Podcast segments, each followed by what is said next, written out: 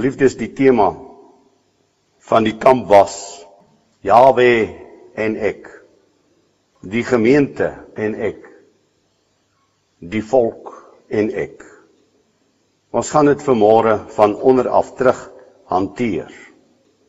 In 'n baie eenvoudige manier. Net die kern, net die wese van die wonder van God en die wonder van u en my bestaan en van sy volk se bestaan en van sy uitverkorenes se bestaan in hierdie wêreld. Kom ons staan en dan sing ons Gesang 17 vers 1 en ek wil vra, u neem deel vanmôre aan die hele erediens. U neem deel aan dit wat ons tot God ons harte verhef. Luister wat u sing. Gee ag daarop die volgende woorde gaan daarby aanpas uit die skrif. Gesang 17 vers 1.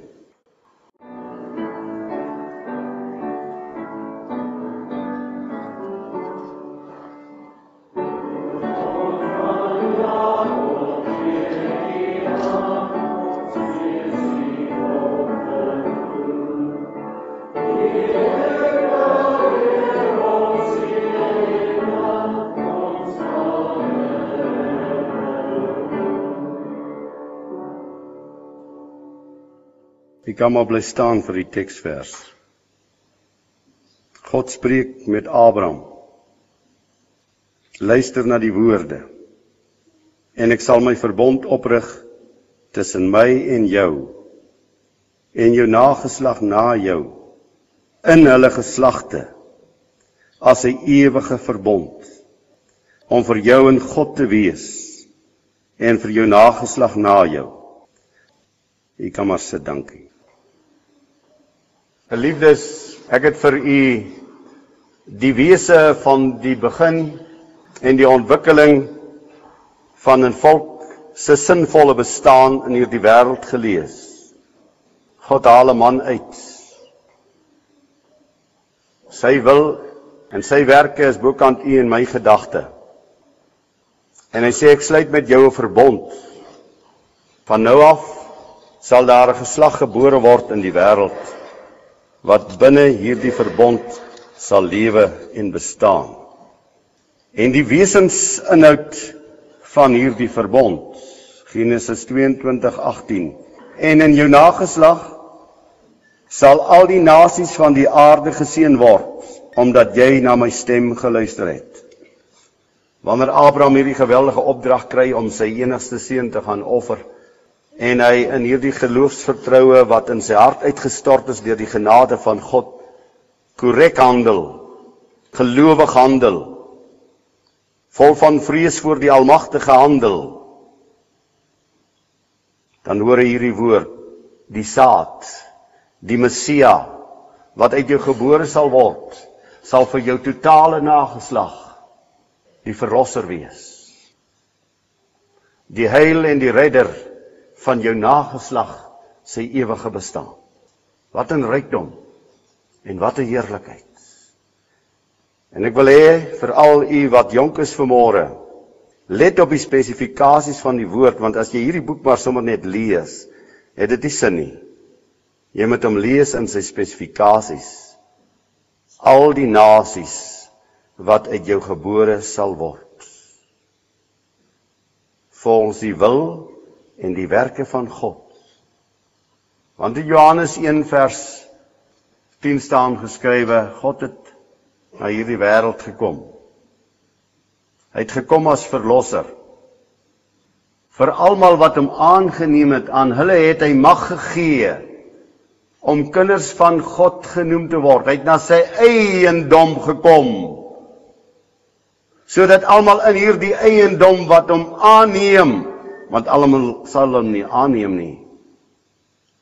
Dat hulle sy kinders genoem sal word en luister na die spesifikasie. Hulle wat nie gebore is uit die wil en die vlees en die bloed van 'n man nie maar wat gebore is uit God. Sê Yeshua deur dieselfde apostel wat dit opgeteken is in die 3de hoofstuk voorwaar voorwaar ek sê vir jou, as jy nie van bo gebore is nie, sal jy die koninkryk nie sien nie. Voorwaar, voorwaar ek sê vir jou, as jy nie uit water en gees gebore is nie, sal jy die koninkryk nie ingaan nie.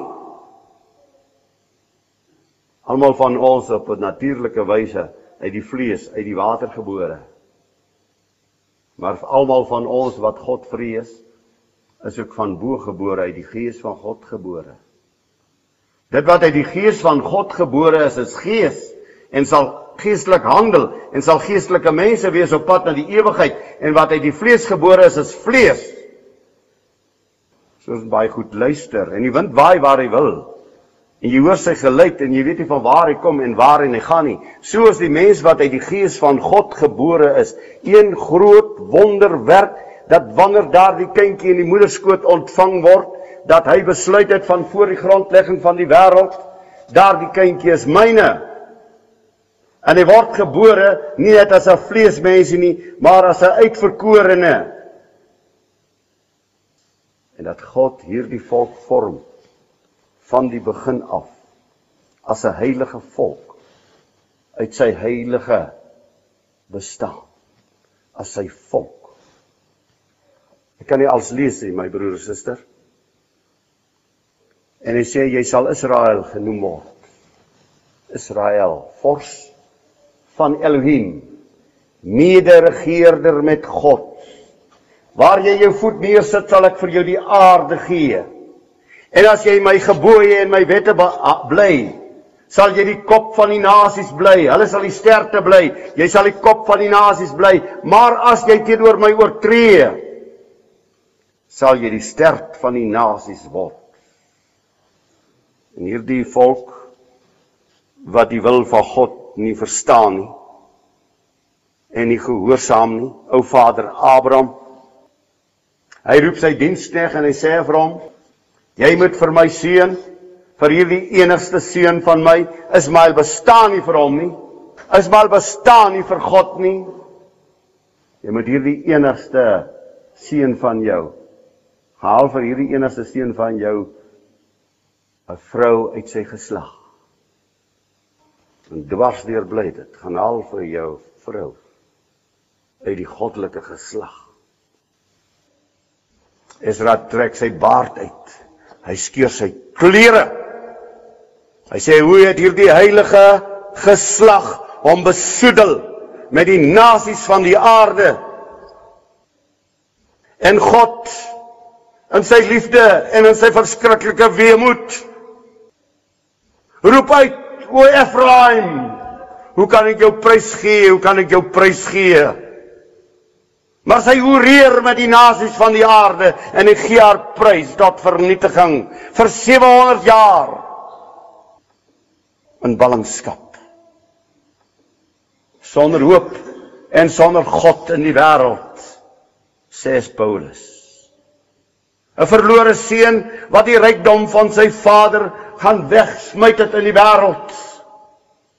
Die hoogste eer en die hoogste wat God hom gegee het, om 'n heilige bloedgeslag te bly te besoetel. Dat allerlei soorte wesens al op hierdie aarde rondloop van alle kleure en geure terwyl daar 'n heilige geslag geskep is. En wanneer hy sy groot liefde aan die vloekpaal hang en hy uitroep Vader vergeef hulle want hulle weet nie wat hulle doen nie dan staan hy op by die verskrikking van die dood. Om die wat van die voortyd af tot die laaste dag wragtig sy stem sou hoor uit te ruk uit hierdie verskrikking van die dood. 'n Volk tot die lewe. Is ons vermoere. Volk tot die lewe. Elkeen van ons, liewe jonge maas, Ek het vir julle in die begin gesê, jy sit van julle wat nog nie julle lewe vir God gegee het nie. Moontlik sit hier van die ouer geslag wat nog nie waaragtig hulle lewe vir God gegee het nie. Godsdienst maak jou nie salig nie. Die wêreld is vol godsdienst. Dis 'n vervlakte, belaglike plekke van môre van godsdienstigheid. Alleen die bloed van die lam reinig van alle sonde. Alleen in hom kan ek verhef word tot die ewige lewe. Alleen deur sy wonderbare middelaarskap. Hy wat in my plek kom hang het. Hy wat in my plek die verskrikking van die dood ingestap het. Hoe sal ons ooit verstaan, hoe sal ons weet as ons nie daar uit gaan kom wat is die verskrikking van die dood nie? Ek wil dit nie weet nie, ek wil dit nie sien nie. Die verskrikking van die dood. Hy het dit in my plek gedra.